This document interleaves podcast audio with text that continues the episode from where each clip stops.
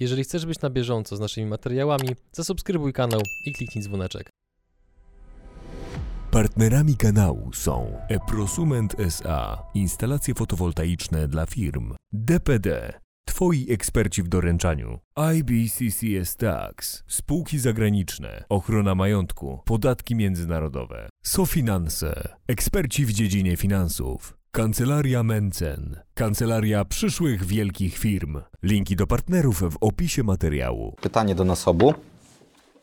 E, Co musi się zmienić w Polsce, żeby Polacy zaczęli zajmować się rzeczami przydatnymi, a nie bitwą pod Grunwaldem, kto był w Wehrmachcie lub w SB, aborcją, gejami i obwinianiem całego świata? Czy naprawdę nie możemy być zaradnym narodem i jesteśmy skazani na porażkę przez naszą mentalność? Mm, Jedyną taką rzeczą, która mogłaby pomóc w jakimś sensie, byłby pusty garnek. To znaczy tak, e, co do zasady to się nie zmieni i zawsze tak będzie, ponieważ e, dla ludzi sprawy światopoglądowe są po prostu znacznie ważniejsze niż sprawy gospodarcze, chyba rzeczywiście, że nie mają co jeść. Wtedy cała otoczka schodzi na drugi plan i zastanawiają się, czemu, e, czemu nie mają co jeść. Przy czym, gdyby doszło do wielkiego kryzysu, w wyniku którego zapanowałby głód i wielka bieda, to również nie mam przekonania, że doprowadziłoby to do tego, żeby Polacy zajęli się rzeczami przydatnymi. Sądzę, że wtedy e, będzie spora szansa, że ktoś e, przekona Polaków, że to dlatego, że był kapitalizm i wielkie firmy e, i teraz należy pójść inną drogą i na przykład wprowadzić komunizm i wtedy będzie lepiej. W wielu państwach, które upadały gospodarczo, to metodą na wyjście z tego upadku, które ludzie sobie wybierali, to niestety nie był wolny rynek i kapitalizm, tylko wręcz przeciwnie.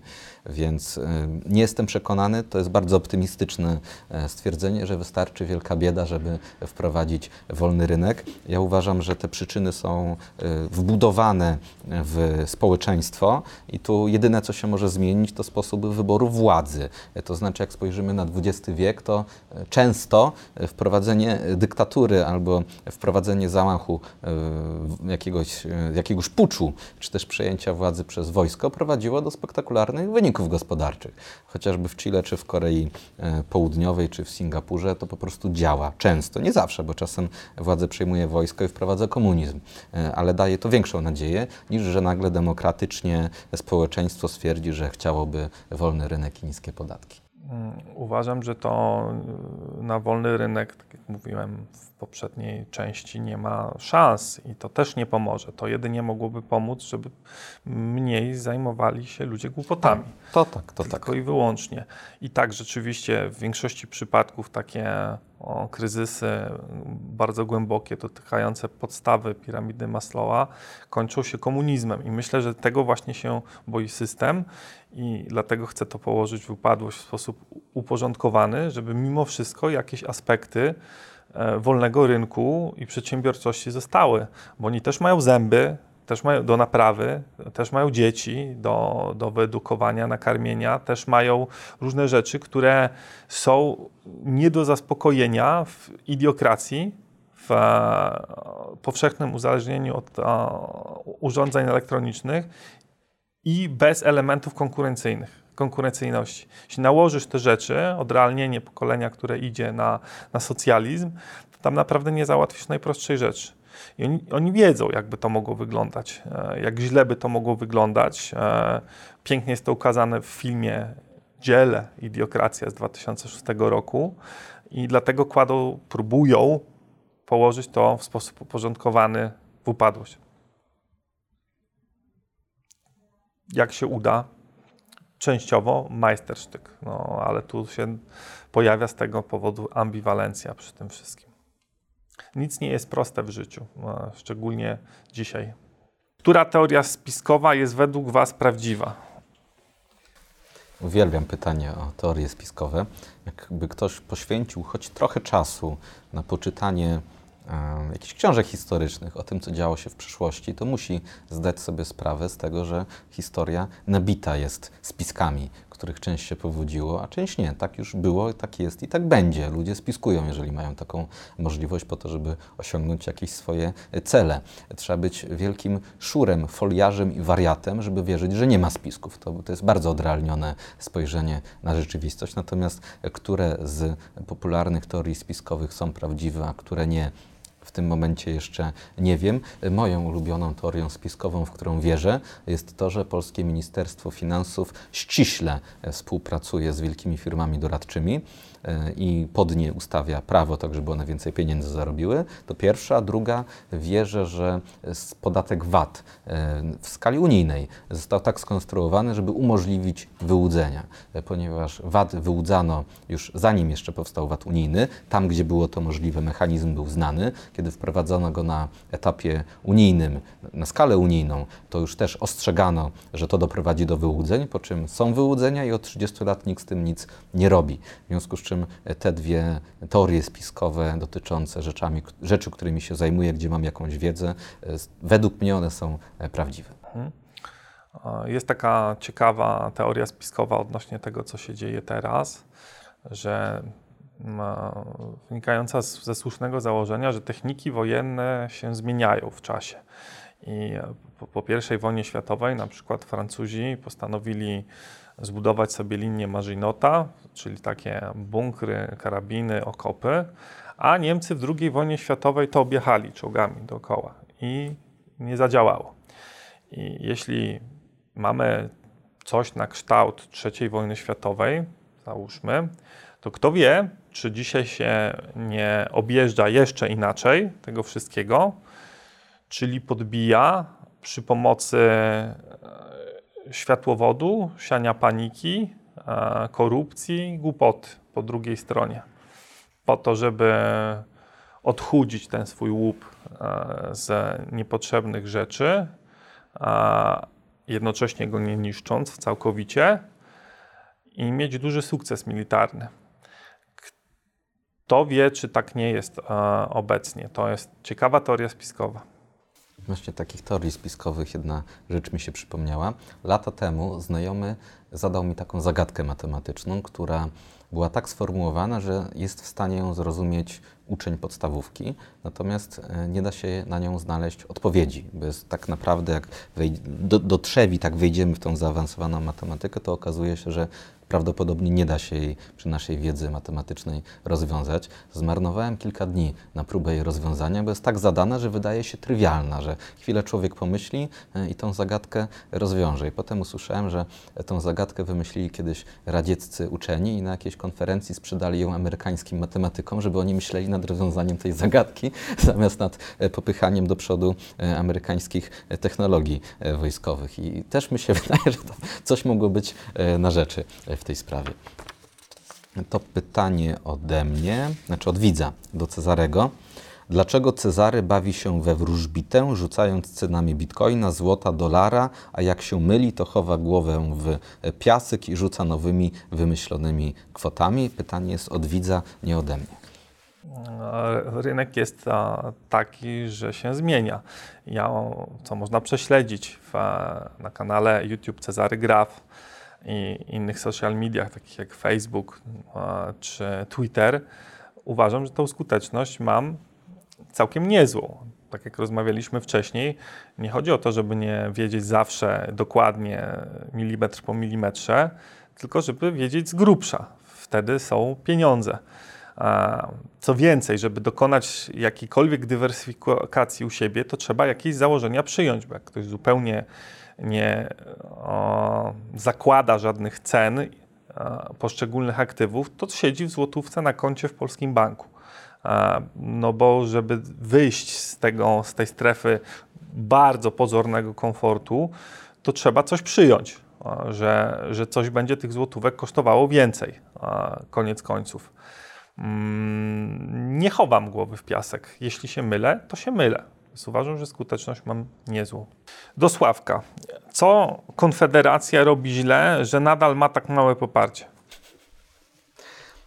mam swoją opinię na ten temat, jednak e, ta opinia póki co jest e, do użytku wewnętrznego, w związku z czym bardzo przepraszam, ale nie mogę się nią podzielić publicznie. E, Swoich planów wojennych nie zdradza się przeciwnikowi, w związku z czym póki co pozwolę sobie nie odpowiedzieć na to pytanie. Pytanie do Cezarego od widza. Czy gdyby Sławomir Mencen kandydował na prezydenta, to czy miałby Pana głos? Mm, tak. W Polsce jest dwóch polityków, o, których o, mówiąc kolokwialnie kupuję. Jest to Sławomir Mencen, mój adwersarz dzisiaj, i Grzegorz Braun. E, Resz, z resztą miałbym problem. Bardzo dziękuję. Do Sławka. Mm, Czy polityk może odnieść sukces i być zgodny ze swoimi poglądami, czy jest to niemożliwe? Uważam, że jest to możliwe jest to właściwe. To znaczy, e, uważam, że należy mówić tylko rzeczy, z którymi się ktoś zgadza, w związku z czym nie można popierać poglądów, z którymi się nie zgadza. I teraz e, już od lat walczę z takim poglądem, że polityk ma prawo do mówienia nieprawdy, że to jest taka cecha tego zawodu, że daje mu immunitet na, e, na takie sprawy. Nie zgadzam się z tym. To znaczy, niezależnie czy ktoś jest politykiem na niskim szczeblu, czy na wysokim, nie może mówić nieprawdy, nie może głosić tez, z którymi się nie zgadza, tylko dlatego, żeby omotać publiczność. Bo jeżeli byśmy przyjęli takie założenie, że musimy kłamać po to, żeby przejąć władzę albo żeby zwiększyć zakres tej swojej władzy, to pytanie, jaki jest cel? Ktoś może Ktoś, kto przyjmie taką metodę postępowania, może powiedzieć, że no muszę kłamać, żeby wejść do Sejmu. Jak już będę w Sejmie, to wtedy przestanę kłamać. Ale wtedy, jak ktoś już wejdzie do Sejmu, stwierdzi, no ale nie mam większości w tym Sejmie, to muszę jeszcze więcej kłamać, żeby mieć większość w tym Sejmie. Potem, żeby mieć większość konstytucyjną, potem, żeby jeszcze jakieś większe cele osiągnąć. I na końcu stajemy się człowiekiem, który przez ostatnie kilkanaście, kilkadziesiąt lat żył w kłamstwie, przywykł do takiej metody postępowania. Dla takiej osoby już nie ma odwrotu. Tak jakby ktoś musiał brać dużo narkotyków, żeby osiągnąć sukces, no to jest to raczej droga w złym kierunku, nie gwarantująca e, sukcesu. E, Można czasem kogoś, znaczy nie można, nie mówię, że się powinno, ale jest to e, technicznie możliwe. Można kogoś raz oszukać. Są ludzie, których można bez przerwy oszukiwać, ale nie można wszystkich bez przerwy oszukiwać. I nie bez powodu politycy mają fatalną opinię w społeczeństwie. Sądzę, że są ludzie, którzy woleliby się przyznać, że są złodziejami, niż że są politykami. To się znikąd nie wzięło. E, I sądzę, że to jest jedną z przyczyn takiego sposobu postępowania jest właśnie to, że politycy niestety nie mają odruchu, żeby mówić prawdę. Co więcej, uważają, że się nie powinno mówić prawdy. Ja się z tym nie zgadzam, idę inną drogą. Mówię prawdę, nawet jeżeli zdaję sobie sprawę z tego, że jest to dla mnie politycznie zupełnie nieopłacalne i dalej zamierzam w ten sposób postępować. Głowię się nad tym, Sławek, i zastanawiam się, jaką masz opinię na ten temat. E, Dlaczego stało się tak, że kilka tygodni temu e, wyznaczono pewne przedziały, w których ewentualnie te obostrzenia będą zacieśniane, podnoszone? E, Myśmy nie dotarli do tych poziomów, wręcz w drugą stronę to poszło, a obostrzenia mają być. E, Z czego to wynika? Bo mi to mrozi krew w żyłach, bo podejrzewam, z czego może, ale jak ty sądzisz? Możliwości jest kilka i nie każda z nich świadczy o tym, że e, rządzi nami banda kompletnie niekompetentnych osób. To znaczy, ja od bardzo dawna mówię o tym, że liczba, która jest podawana codziennie, czyli ta liczba nowych testów pozytywnych, jest absolutnie bez żadnego znaczenia. Nie ma żadnego sensu ta liczba. Dlaczego?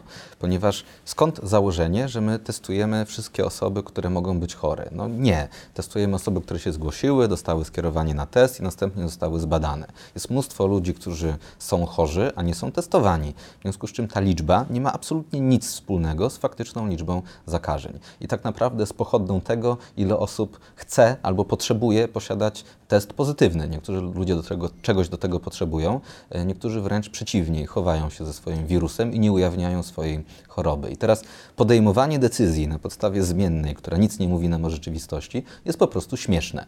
I rząd, publikując tą tabelkę, się po prostu kompromitował. Oni chcieli wyjść e, z takiego wrażenia, które się budowało całymi miesiącami, że działają ad hoc, bez żadnego planu, że nie mają żadnych modeli, żadnych sensownych sposobów e, postępowania. Chcieli pokazać tabelkę, patrzcie, my teraz będziemy decyzje podejmowali planowo. Przy czym no, błędem, który zrobili, jest to, że e, ten wskaźnik, którego używali przy ustaleniu tych poszczególnych stref, był kompletnie bez znaczenia.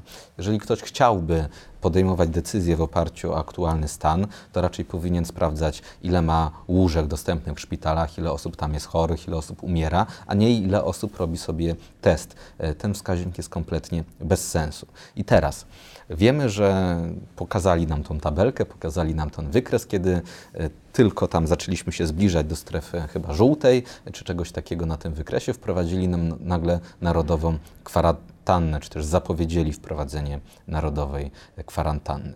Więc pierwsza optymistyczna e, wiadomość, pierwszy optymistyczny wniosek jest taki, że być może wreszcie zrozumieli, że ta liczba, którą pokazują wszystkim e, codziennie przed południem, jest do, kompletnie bez żadnego znaczenia i być może patrzą na inne wskaźniki i te wskaźniki zaczynają się robić niepokojące. To jest pierwsza możliwość. Druga jest taka, że postanowili działać wyprzedzająco, to znaczy postanowili zastanowić się, jak na liczbę zachorowań wpłyną święta Bożego Narodzenia i doszli do wniosku, że muszą ją zwiększyć, w związku z czym należy wprowadzić tą kwarantannę, tak żeby z tego już przewidywanego zwiększenia jakoś płynnie wyjść też biorę pod uwagę, że jest taka możliwość. No jest oczywiście trzecia możliwość, że nikt tam nad niczym nie panuje, co tydzień zmienia im się sposób patrzenia na rzeczywistość, wszystkie decyzje podejmowane są spontanicznie.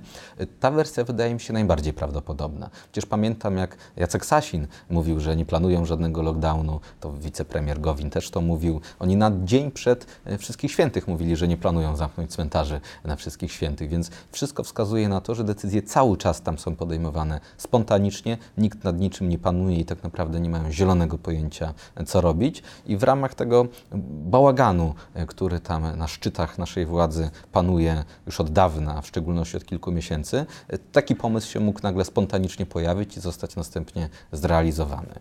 Ta wersja wydaje mi się najbardziej prawdopodobna, ale dopuszczam, że są jeszcze inne wytłumaczenia e, tego, co się zdarzyło wczoraj. Na przykład takie, czy uważasz, że jest prawdopodobne, że upadłość ma być, to, że się skończyli chętni na testy, no cóż, znaczy mnie w ogóle nie dziwi, że skończyli się chętni na testy. E, chyba już wszyscy zrozumieli, że posiadanie pozytywnego testu na koronawirusa zdrowia nie ratuje, że ten test jest do niczego e, niepotrzebny, za to prowadzi do wielu e, komplikacji, ponieważ się trafia na kwarantannę, nasi bliscy trafiają na kwarantannę, więc ludzie sobie po prostu dali spokój z tym testowaniem, zaczęli się chować po swoich domach, jeżeli są chorzy.